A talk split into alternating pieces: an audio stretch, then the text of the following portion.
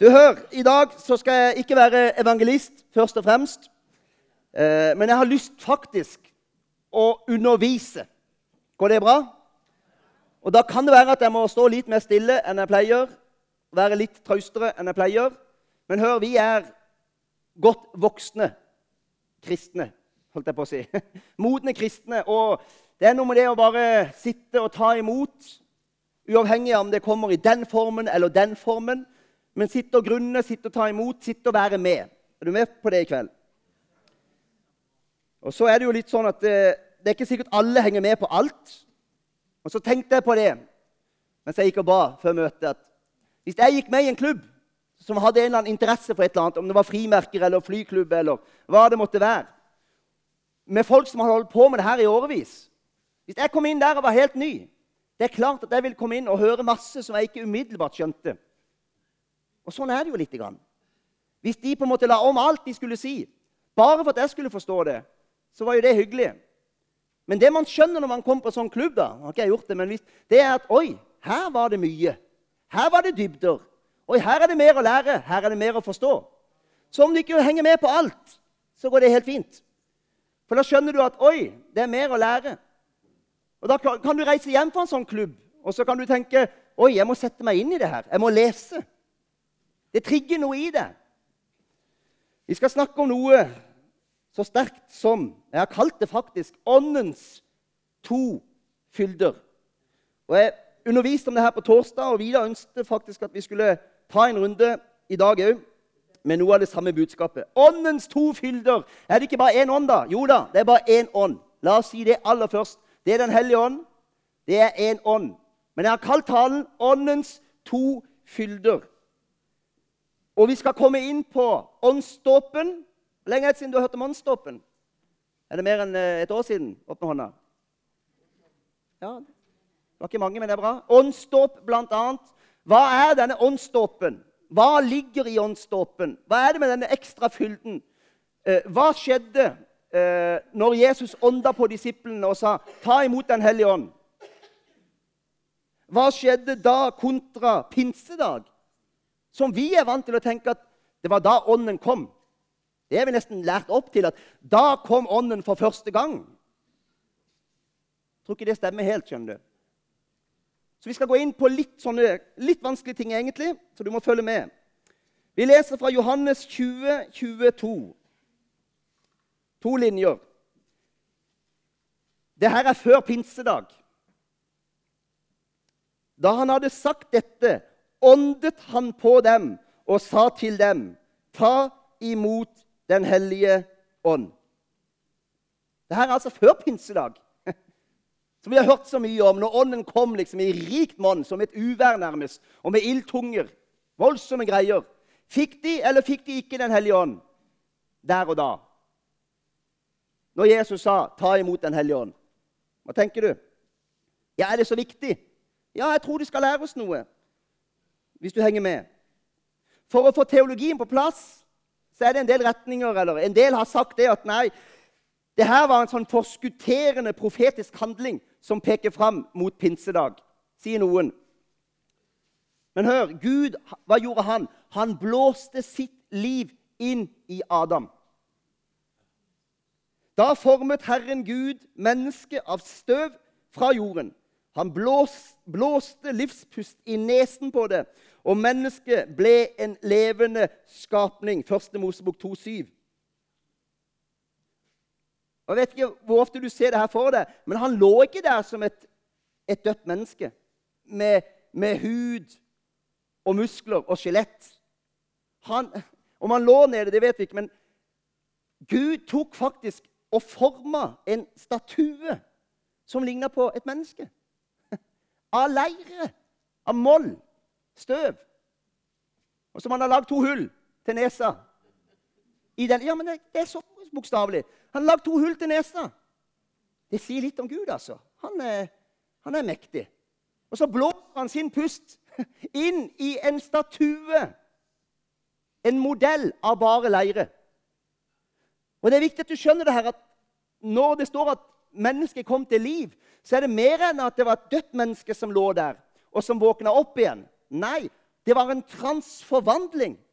Han, han tok en statue av moll, blåser på den, og på et eller annet vis så begynner det å vokse og gro. Hud, alt innvendig, skjelett. Og så våkner det til liv. Hvorfor sier jeg det her? Jo, fordi Jesus han blåser på disiplene sine. Han ånder på dem. Det er faktisk ikke tilfeldig. Du vet, Vi som er så frie jeg må bare ta det med, vi som er så frie, vi, og karismatikere vi, vi liker liksom å tenke at liksom ånden gjør Jesus gjorde akkurat hva han ville, og ånden gjør akkurat som han vil til enhver tid. Ja, det kan han, men du vil bli forbausa når du leser Guds ord. Hvordan du ser hvordan Gud er forplikta på sitt ord.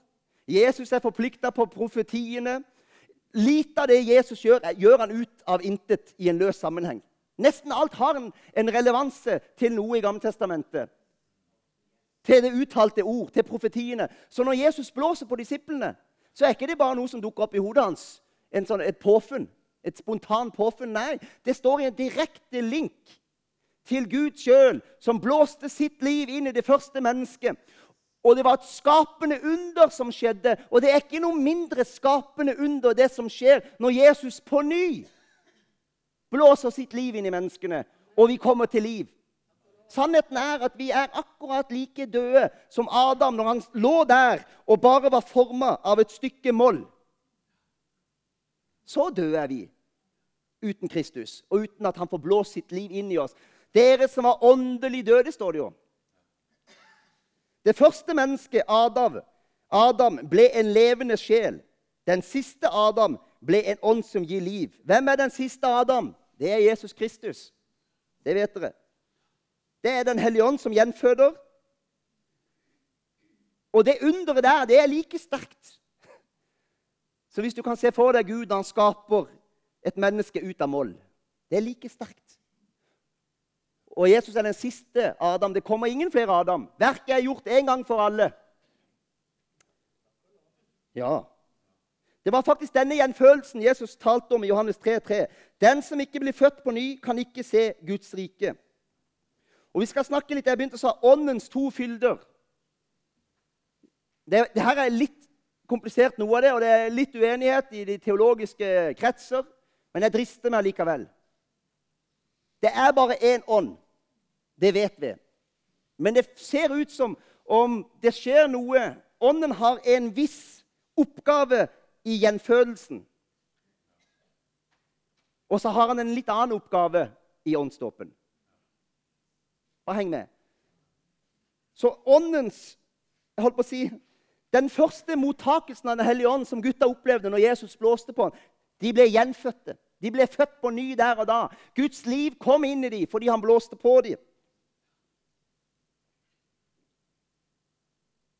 Hvorfor måtte disiplene av alle, de som hadde hørt han og vandra sammen med han, De trodde jo på han, de hadde til og med møtt han etter oppstandelsen. Hvorfor måtte de ha en sånn opplevelse? Fordi Jesus sier 'ta imot Den hellige ånd'. Så selv disiplene, hver og en av de, hvert enkelt individ av disiplene måtte sjøl ta en beslutning om å ta imot. Når Jesus stilte de foran seg og sa 'ta imot Den hellige ånd', så kunne de ha vendt seg vekk eller de kunne gått sin vei. Så det er ingen automatikk i korset at uh, når verket var ferdig, at de plutselig Nei, de måtte ta imot. Hver den som tok imot, dem gav han retten til å bli Guds barn. Så også disiplene måtte ta et valg. Hør, når man blir født på ny, så får man Den hellige ånd. Det er det jo ingen som er i tvil om. Og, og, og teologiens verden kaller man får del i gjenfødelsens ånd. Det er den ånd som gir liv. Eh, Romeren 8 kaller, kaller, det for livets ånd. Hør. For livets ånds lov har i Kristus Jesus gjort meg fri fra syndens og dødens lov. Åndens første oppgave er å skape nytt liv der hvor det er dødt. Det er å gjenføde, og det er på en måte å iverksette frelsesverket i oss. Det er på en måte å igangsette blodets kraft og blodets mirakel. En ny gjenfødelse. Og så er det bare Han, Den hellige ånd, som drar oss til Kristus. Så at ingen kan komme til Herren eller til Gud uten at Den hellige ånd drager på ham. Men alt det her var jo før pinsedag. Hvordan tenker vi der? Det var før pinsedag. Var det ikke da de mottok Den hellige ånd for første gang? Nei, tror, tror jeg. Jeg tror det skjedde akkurat her hvor det står. Ta imot Den hellige ånd. Det skulle vært veldig rart om Jesus gikk bort til dem og sa ta imot Den hellige ånd. Og så blåste han på dem. Ja, vi tar imot, sier de. Nei, det er ikke enda. Det kommer seinere. Det, det, her var bare en profetisk eh, forskutterende handling. Jesus var aldri så komplisert. Han sier det han mener, og han gjør det han, eh, han sier. Så det er klart de fikk del i Den hellige ånd der og da. De ble gjenfødte kristne. Hvorfor er det så viktig for meg? Jo, og i all forsiktighet faktisk, så har jeg lyst til at vi skal komme inn på noe av dette. At det ser ut for meg som at det går an å bli en gjenfødt kristen og få del i livets ånd, Den hellige ånd, bli født på ny, bli en ny skapning og stoppe opp der. For jeg tror, og jeg syns jeg ser det i Skriften, det fins en ekstra fylde, egentlig av den samme ånd som du allerede får del av. Men det er for å gjenføde det. Det er for at du skal bli født på ny. Men Ånden har en annen oppgave òg, og det er å utruste til tjeneste. Med kraft, med tegn, med under og mirakler. Og det virker til at det er en, en ekstra fylde som kommer på. Veldig ofte i Skriften så skjer det her i et nu, i samme stund. Kornelius sitt hus. De både får høre evangeliet, tar imot Jesus og blir fylt av Den hellige ånd og taler i tunger med en gang. Men alle opplever ikke det sånn, også i Skriften i Apostelens gjerninger 19 så kan du lese om en flokk. De står omtalt som disipler. De hadde ikke hørt om Den hellige ånd. Det er snodig. De hadde ikke hørt om Den hellige ånd, Nei, men da var de sikkert ikke gjenfødte. De var sikkert bare sånne sjeliske kristne. Som jeg hører av og til noen kristne snakke om andre kristne. Bare sjeliske kristne. Du finner ikke det ordet 'sjeliske kristne' i Bibelen, men du finner om sjeliske mennesker. Det er noe helt annet, det. Hør, De var ikke bare en flokk med religiøse mennesker. Nei. Lukas kaller disse for Mateia, og det betyr disippel. Og når Bibelen omtaler noen som disipler, så er de født på ny. Så enkelt er det. Det var noen som gikk bak Jesus, som ville bruke hans navn. Husker dere beretningen med disse syv demonene som kom inn i disse gutta, som prøvde å drive ut demoner i Jesu navn? De omtales ikke som disipler. De bare kopierte noe. Men disse omtales som disipler, og de hadde ikke engang hørt om Den hellige ånd. Apollos, som står like bak her, han hadde heller ikke hørt om Jesu dåp. Og Allikevel står det at han var full av Den hellige ånd. Bibelen er ganske kompleks. Ergo så kan man heller, kanskje på mange måter se det sånn at nei, Apollos var full av Den hellige ånd, men han var bare døpt til Johannes sin dåp. Og Derfor syns jeg det er vanskelig å si nei. Uten dåpen ingen hellig ånd. Men jeg vet de henger sammen. Men vi ser Bibelen er ganske omfattende. Hør disse her, som, disse her gutta her som ikke hadde fått del i Jesu dåp. De var antagelig ikke vunnet gjennom apostlene. De var vunnet gjennom noen lærlinger eller lærere fra Johannes. Og Johannes levde jo bare en kort tid. Hans eneste oppgave var å peke på Jesus. Han drev ikke med dyp undervisning om ånden og åndens gjerning og, og hva som kom til å skje, utover at han profeterte om åndens komme. Det gjorde han. Så de hadde grepet ord om korset, og de hadde tatt det til seg, og de hadde blitt frelst, født på ny, fått del i Den hellige ånd. Men det var noe som mangla.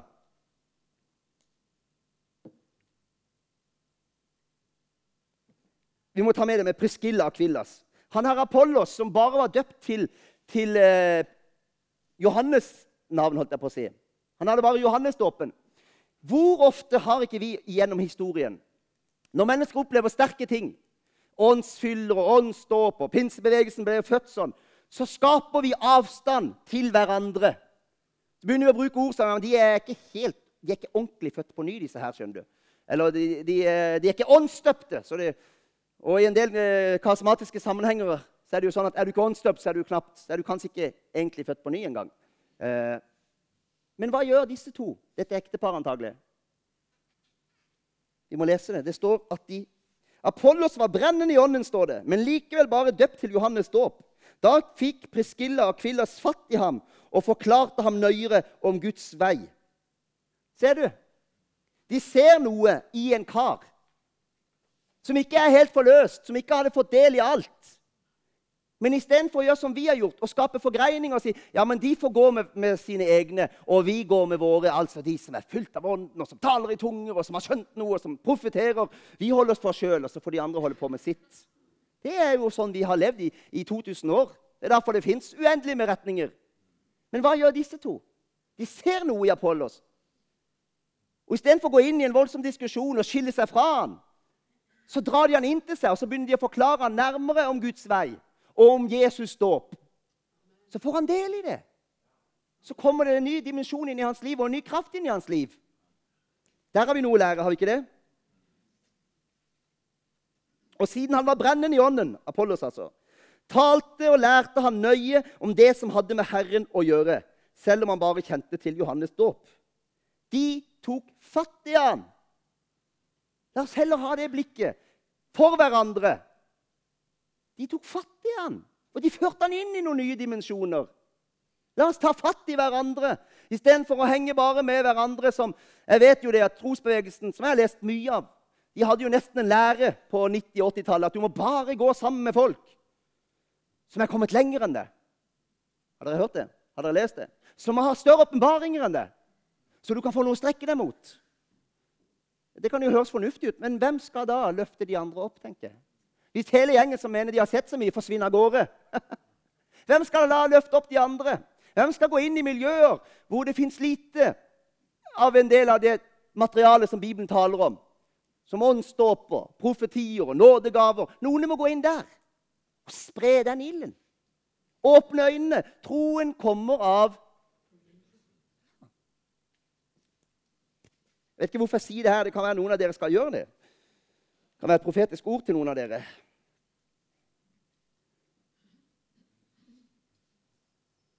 Ingen kan si at Jesus er Herre uten Den hellige ånd, står det. Mottok dere Den hellige ånd da dere kom til tro, sier Paulus. Merkelig spørsmål. Eh, det er nesten som du lurer på om Paulus spurte om det for å liksom finne ut hva vet dere om Den hellige ånd.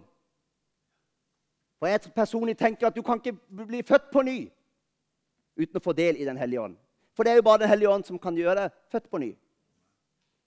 Men jeg har lyst til at vi skal likevel tørre å gå inn og se fins det noe mer etter gjenfødelsen.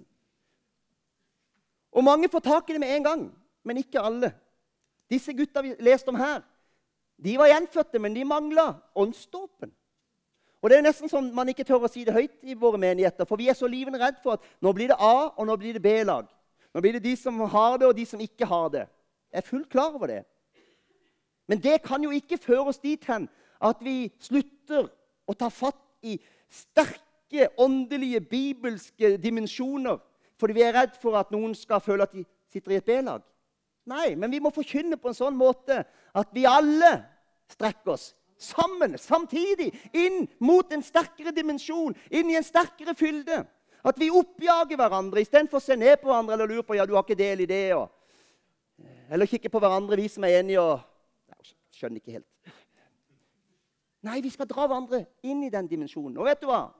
Hadde, jeg åpna opp her for vitnesbyrd, og det strømte på. Hvordan ble du åndsdøpt? Og det er interessant. Menighetens historie fra 89. Da det var en vekkelse, må vi kunne kalle det, hvor mange Tor Gunnar og flere andre, Hjørdiser, ble frelst i den perioden. 98. Sa jeg ikke det? Sa jeg 88? 89, 89, 98 ja, Men det er jo samme. Det er bare to tall som Dere må ikke være så opptatt av detaljer. Det er de samme tallene. Tolk det som du vil. Men hør I den tida der, og også i den tida faktisk Samme tid faktisk for meg sjøl. Akkurat den samme perioden som en ung mann. I et miljø hvor man snakka veldig lite om disse tingene. Aldri en tungetale å høre noe sted i mine miljøer en liten stund der. Men i den perioden der så var det en sånn en Folk prata om det. De oppjagde hverandre, og man jakta på det. Man ville ha, være en del av det. Og Elisabeth hun var jo så gal, vet du, så hun dro jo med seg Miriam. vet du, Hvor gammel var du? Ni år? Det var enda tidligere. Hvor gammel var du når du ble anstøpt? Ja, ni år, liksom. Elisabeth vet du, drar med seg Miriam til Karisma, vet du, for dette visste hun. Der er de veldig der er de sterke på det. Fikk del i det. Falt i tunge siden hun var ni år. Døpt siden hun var ni. For det troen kommer av forkynnelsen. Så vi må passe på at vi ivaretar kraftdimensjonen i Guds ord og blant hverandre. Vi kan ikke la disse tingene seile helt ut. Blant ungdommen i dag så er det jo veldig få, er min følelse, som kjenner til disse ting. Og så er det en enorm kraft i det. det sånn, dere skjønte det, Dette var sånn selvforsvar. Nå kan jeg si hva jeg vil fremover. Det er mer Paulus. Vi forsvarer, eh, vi forsvarer oss for ordet. Hør! Ånden følger ord om korset. Så de hadde fått Den hellige ånd. Den ånden var i disse gutta. Det skal jeg hoppe over, faktisk. Løfter om ekstra kraft ved Den hellige ånd. Se, jeg sender min fars løfte over dere. Men vent i byen Jerusalem til dere blir ikledd kraft fra det høye. Lukas 24, 49. Denne kraften profeterer Jol over i Gamle testamentet, Jol 3.1-5. Og det skal skje i de siste tider, sier Gud, at jeg vil utøse av min ånd over alt kjød. Og så er det interessant, for i den gamletestamentlige profetien om pinsedag så knyttes det opp hva som skal skje videre. Mer enn bare kraft. Jo, det skal komme på drømmer og profetier. Hva er det? Jo, det er den åndelige dimensjonen. Det er nådegavepakka som vi har fått. Det er tegn, det er under og mirakler. Det er hele greia. Og det er jo interessant at det knyttes opp til et løfte fra Jol inn til pinsedag. Og Det har fått meg til å skjønne og erfare at det fins noe med denne dimensjonen av åndsdåpen. Kall det hva du vil. Åndsdåp står ikke i Bibelen som et eget ord. Det står at dere skal bli døpt med Den hellige ånd og ild. Og så har vi lagd ordet åndsdåp. Kanskje har det blitt belasta. Ikke vet jeg. Men det er noe med denne dimensjonen som vi må løfte opp. Johannes døpte med vann, men dere skal bli døpt med Den hellige ånd ikke mange dager heretter. Apostlenes gjerninger 1.5. Men dere skal få kraft når Den hellige ånd kommer over dere, og dere skal være mine vitner helt til jordens ender. Disiplene de visste jo at de hadde mottatt Den hellige ånd når Jesus ånda på dem. De skjønte at de var gjenfødte kristne. Og Jesus hadde talt til disiplene og andre i 40 dager så var han til stede med dem. Og det står at han forkynte om det som hørte Guds rike til. Og attpåtil står det at det var med ufeilbarlige bevis. står det. Allikevel så ante de her inne at det kommer noe mer. Fordi Jesus hadde sagt det. De hadde allerede fått del i noe. Og noe mer visste de ikke av. Tenk på det. Altså, Du leser ikke noe sted i Gammeltestamentet om tungetale. Du vet, Når folk blir døpt med tungen i dag, så syns vi det er sterkt og flott. Men vi er jo kjent med det, så vi blir jo ikke overraska. Men tenk for en flokk, da. 120 mennesker som ikke har noe idé om hva som skal skje, eller hvordan det skal foregå. Aldri hørt en tunge i hele sitt liv, aldri hørt snakk om det. Det er galskap. Det var ingen som kunne forvente det engang. De visste ikke hva de skulle forvente, men de skjønte ut ifra Jesus sitt ord at vi har fått del i Den hellige ånd. Han har gitt oss Den hellige ånd. Men det kommer mer, sier han. Og de må jo snakke om det her, for det, sånn som jeg ser det, så var det ikke veldig mye åpenbaring blant apostlene eller disiplene i den første tida her. Fra Jesus døde, og de gikk 40 dager, og de venta på pinsedag, som de ikke visste når kom. Det er veldig lite de står fram og forkynner med, med autoritet og med åpenbaring og med link fra Gamle testamentet til Nytestamentet og motsatt. De er ganske veike, de er nervøse, de sitter på øverloftet, de er desorienterte, de vet ikke hva som skjer, men de har allikevel Den hellige ånd. Og det forteller meg Den hellige ånd, den første Den hellige ånd som kom, holdt jeg på å si, det er bare én. Det var for å gjenføde de. Men så fins det en ekstra fylde for å forløse ut i tjeneste. Og evangeliet kan ikke og kommer aldri til å gå fram uten denne overnaturlige dimensjonen av en fylde av kraft som helbreder, som setter fri, som eh, taler kunnskapsord, som virker i gavene. Hør, Jeg har lest så mange beretninger fra misjonærer i forskjellige sammenhenger som har reist ut i verden, og de har slitt seg nesten i hjel. Og de har ikke sett noen resultater. Blitt nedbrutte, kanskje reist hjem. Tiel Osborn var vel en av de. Het han det? Han var i India, ingenting skjedde. Han lot seg styre av andre mennesker som sa sånn og sånn skal du gjøre det. Og Så kom han hjem, og så fikk han denne åpenbaring, eller denne her fylden av Gud som kom over ham på en ny måte, en sterkere måte.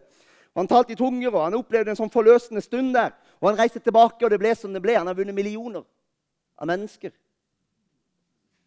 Det var noe der som ble forløst. Tenk på Peter, da. De var nervøse og de ble redde. Og så kommer tungene som de ikke aner hva er. Det bare kommer ut av dem. Fremmede språk og antagelig den oppbyggelige tungetalen òg. Ganske sikker på. For de var 120 stykk, og 120 nasjoner var nok ikke samla der. Men det vet vi ikke. Men uansett. Og i neste sekund så kan du lese hvordan han bruker Gamle testamentet. Og han henviser til Jol. Og han, han skildrer opp Israels historie. Og han knytter alt mesterlig sammen. Så du skjønner at her har det kommet en ny fylde av åpenbaring. Han hadde en gang sagt til Jesus, eh, 'Du er Messias, den levende Guds sønn'. Og Da sa Jesus, 'Ja, dette har ikke kjøtt og blod åpenbart for deg'. Det er riktig. Men det var ikke lang tid etterpå før han ville hindre Jesus å gå på korset.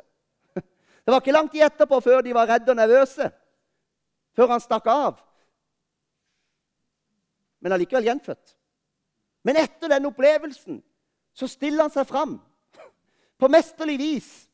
Og 3000 mennesker blir frelst på en og samme dag. Han kastes i fengsel, han og de andre. Og de kan ikke vente med å komme ut igjen for å forkynne på ny, for, for, for å så bli kasta tilbake. Man skjønner jo at her har det skjedd noe helt ekstraordinært. Ja, takk skal du ha, Annelise. Henger du med? Gjør du det, altså?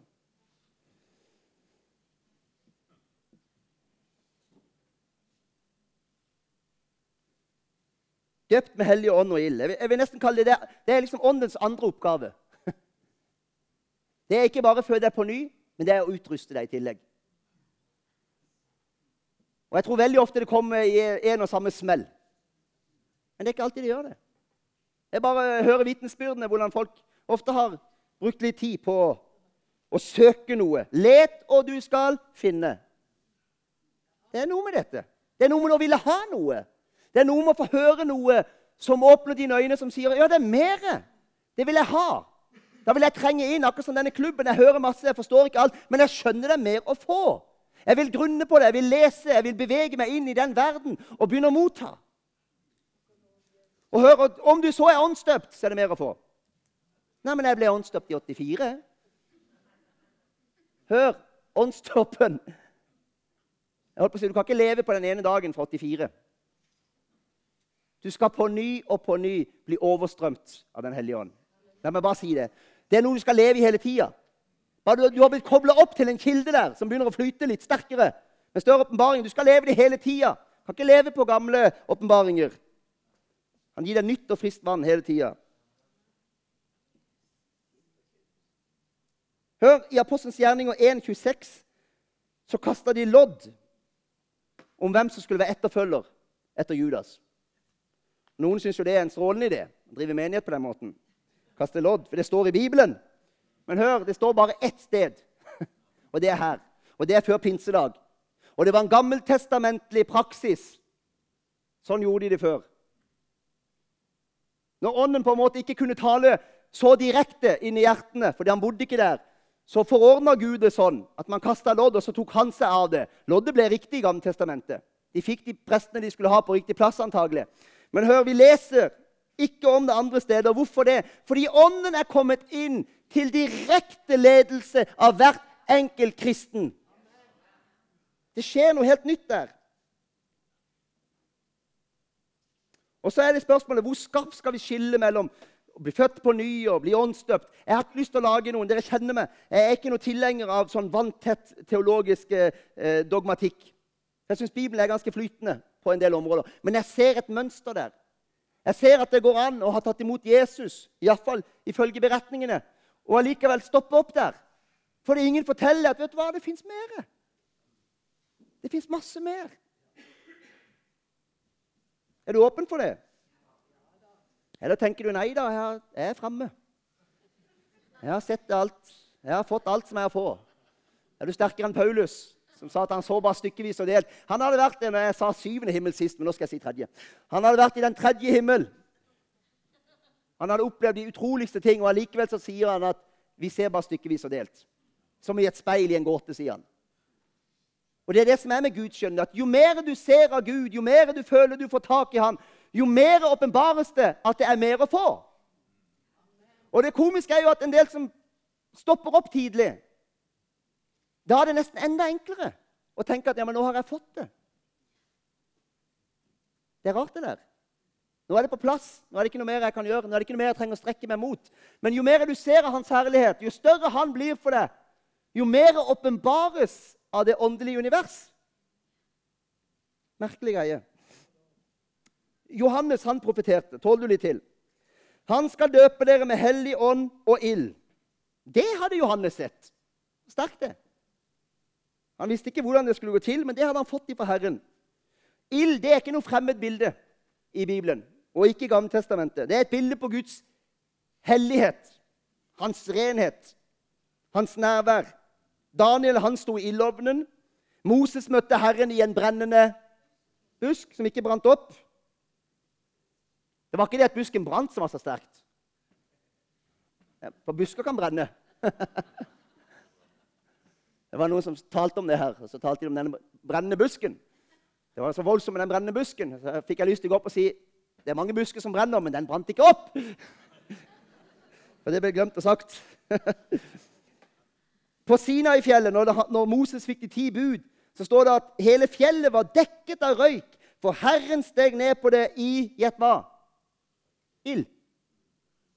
Herren er som en fortærende ild, står det. Vi, må gå inn i, pins, i pinsedag. Har du med Bibelen? Skal vi gjøre en avtale om at du begynner å ta med deg Bibelen? Hadde ikke det vært veldig, Da er det jo nesten vekkelse når Guds folk begynner å ta med Bibelen.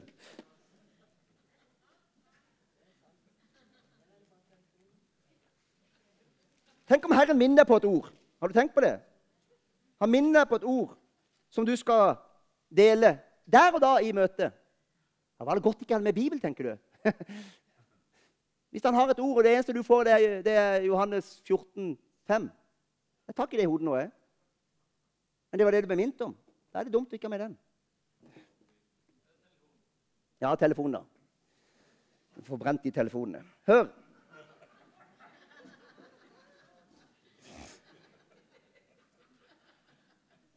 Og plutselig kom det en lyd fra himmelen, som av en stormende, mektig vind.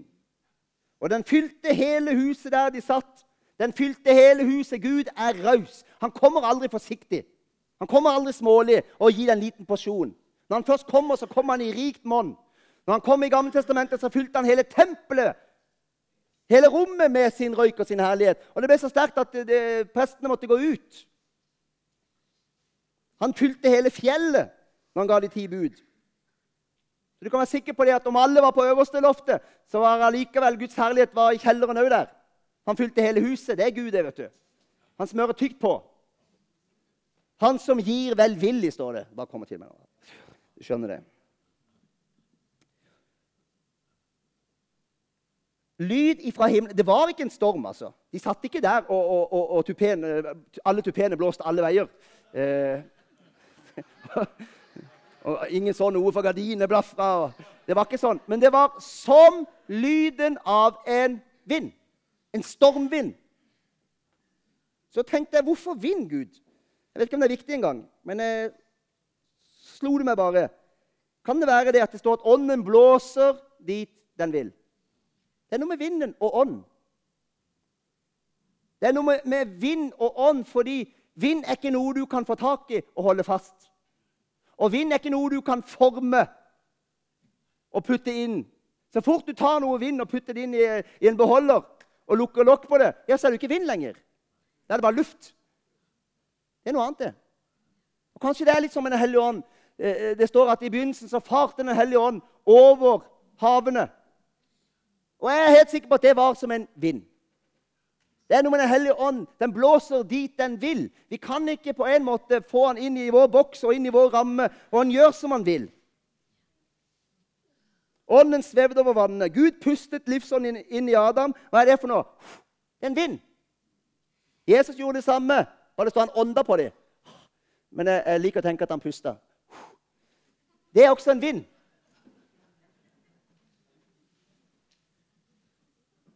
Og så var det en, en voldsom lyd. Hør! Tordendrønn og lyn og en tykk sky. Lyden av horn var på, på, på Sinai-fjellet. Gud han er litt voldsom, skjønner du. Du som er litt eh, engstelig for mye lyd. Gud er ikke engstelig for det, iallfall. Han kommer veldig ofte med mye lyd. Denne lyden av horn det var sånn det fylte hele dalen. Det var umulig å ikke høre det.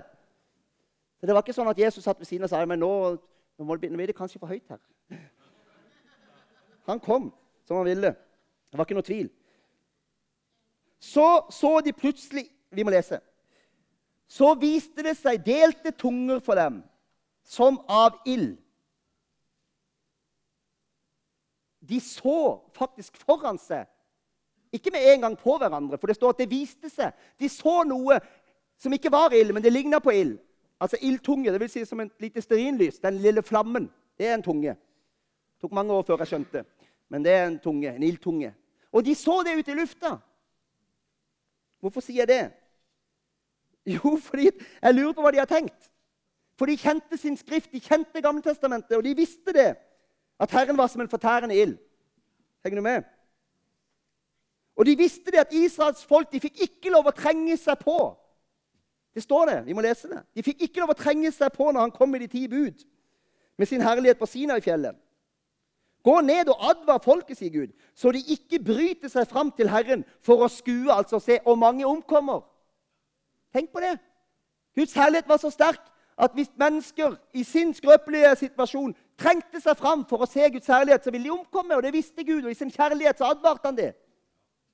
Ingen fikk lov. Bare Moses fikk komme nær, står det. Han fikk se. Og så lurer på, når de ser disse ildtungene og kjenner denne historien Tenk på paktkista. Gud hadde sagt til dem at du må ikke ta på paktkista når de skulle ha den tilbake igjen til Jerusalem, for den er hellig.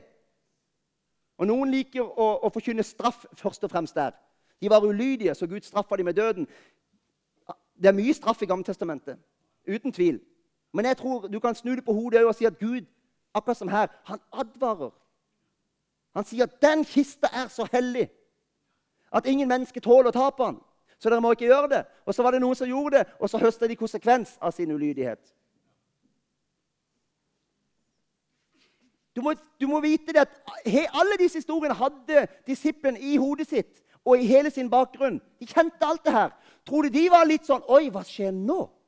Nå kommer Gud, som vi har lest om før, med brus og med vind. Og nå kommer han med ild, og det har vi lest masse om. Han har kommet med ild før. Og andre som har tatt på ilden, har omkommet. Jeg vil du skal se den store skillen. skilnaden, for å si det med Vidar. Det er svensk. De står der og så ser det. Og så skjer det som aldri har skjedd før i historien. Det er at denne Herrens ild ikke bare blir hengende som, som, noe som de får sett og manifestere med sine øyne, men den kommer og beveger seg bort til hver enkelt 120 stykk og setter seg på dem. Og så står det Og de ble alle fylt av Den hellige ånd. Så smatt ånden inn, holdt jeg på å si. De hadde jo mottatt Den hellige ånd, så det her er litt paradoksalt. Men de ble allikevel fylt. De fikk en ekstra fylde som transforvandla dem inn i en frimodig livsstil, inn i frimodig proklamerende bønner. Så det er mer å få.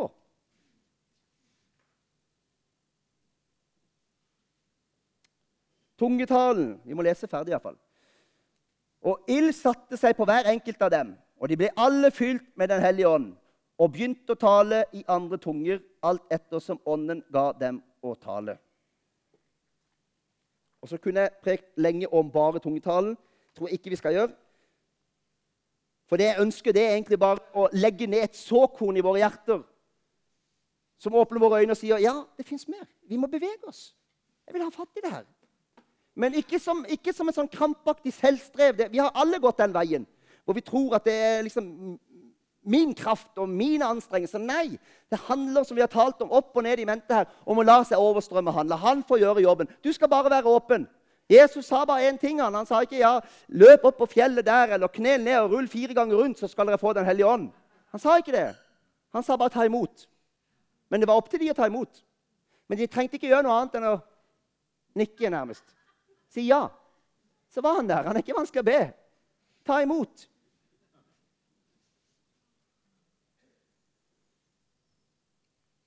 Må man, være, må man tale i tunge for å være fylt av Ånden? Det er vanskelig å svare på. Jeg har en følelse at det er ikke alltid sånn i Skriften. Det fins folk som fungerer i nådegaver, men som ikke nødvendigvis taler i tunger. Man har møtt mange av de òg, som har sterke nådegaver, men som ikke nødvendigvis taler i tunger. Men jeg, jeg tror gjerne at de har fått dem. De har bare ikke forløst dem. jeg tror egentlig de fleste har fått tungene. Det er så mye man kunne sagt om selve tungene og hvordan få del i det. Og det går vi ikke inn på her og nå. Uh, for å ta imot Jesus så må du få en åpenbaring av Den hellige ånd. Det er bare han som kan gi deg den, om hva han har gjort. Og så tar du imot korset, så blir du frelst. Men jeg har lyst til å si for å få en sterk del i Den hellige ånd, så krever ikke Den hellige ånd at du skal ha full åpenbaring om Han som Ja, men jeg er jo den tredje personen i guddommen. De må jo vite alt om meg òg. Nei, han gjør ikke det. det, det han er raus der. Han er der for å forherlige Jesus. Og så flytter han inn for enhver som bare vil ha. Og du trenger ikke forstå engang. Det er det som er så sterkt. Du må forstå noe i forhold til korset for å ta imot Jesus. Men eh, for å, forstå, for å ta imot Den hellige ånd så trenger du ikke å vite all verdens. Du trenger ikke skjønne all verdens. Det er et vestlig fenomen at vi skal lære folk opp til all verdens før de skal få oppleve noe. Derfor går de i dåpsundervisning og jeg vet ikke, det ene med det andre. Bibelsk verden er annerledes. Der døpes de med en gang. Fordel i Den hellige ånd med full nådegaveutrustning. Galskap, egentlig. Men det, det, det, er Guds ansvar, holdt jeg på å si. Ikke mitt. Så du trenger ikke gå på kurs for å lære Den hellige ånd. Du kan bare ta imot. Så kommer han. Altså, jeg har opplevd på, på kampanjer i, i, eh, Pakistan spesielt hvordan du ber med mennesker, mange hundre mennesker til frelse. Og så har de aldri hørt om tungetall. De vet ikke hva det er. Akkurat som de første kristne. Og så bruker vi to minutter på å si det fins et hemmelig språk med Gud som er mellom deg og Gud, en ekstra kraft og en ekstra dimensjon. Og så bare ber vi. Og så bryter det løs der, vet du. Så det er litt vanskelig for oss å vite hva jeg var her, for dette er jo på pakistansk. Eh, men da spør jeg tolken taler de tunger. Og da ser tolken rart meg. Litt forvirra. Ja, men det, det, er jo akkurat det du har bedt om, Geir. Selvfølgelig taler de tunger. Du kan ikke be dem om å tale i tunger, så står de der og taler pakistansk. Så du blir jo litt sånn avkledd i sånne land hvor de er litt eh, mer på enn oss.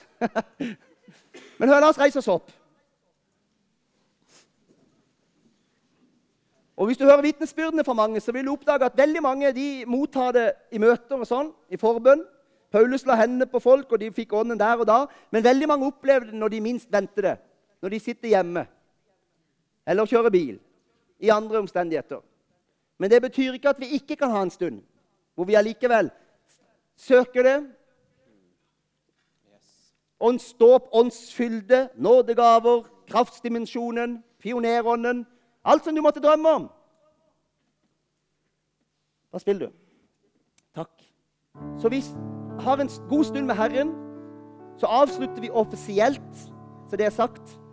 Kafeen blir åpna hvert øyeblikk. Eh, men har du lyst til å være igjen og tilbe og søke forbønn, så er vi her og videre et sted.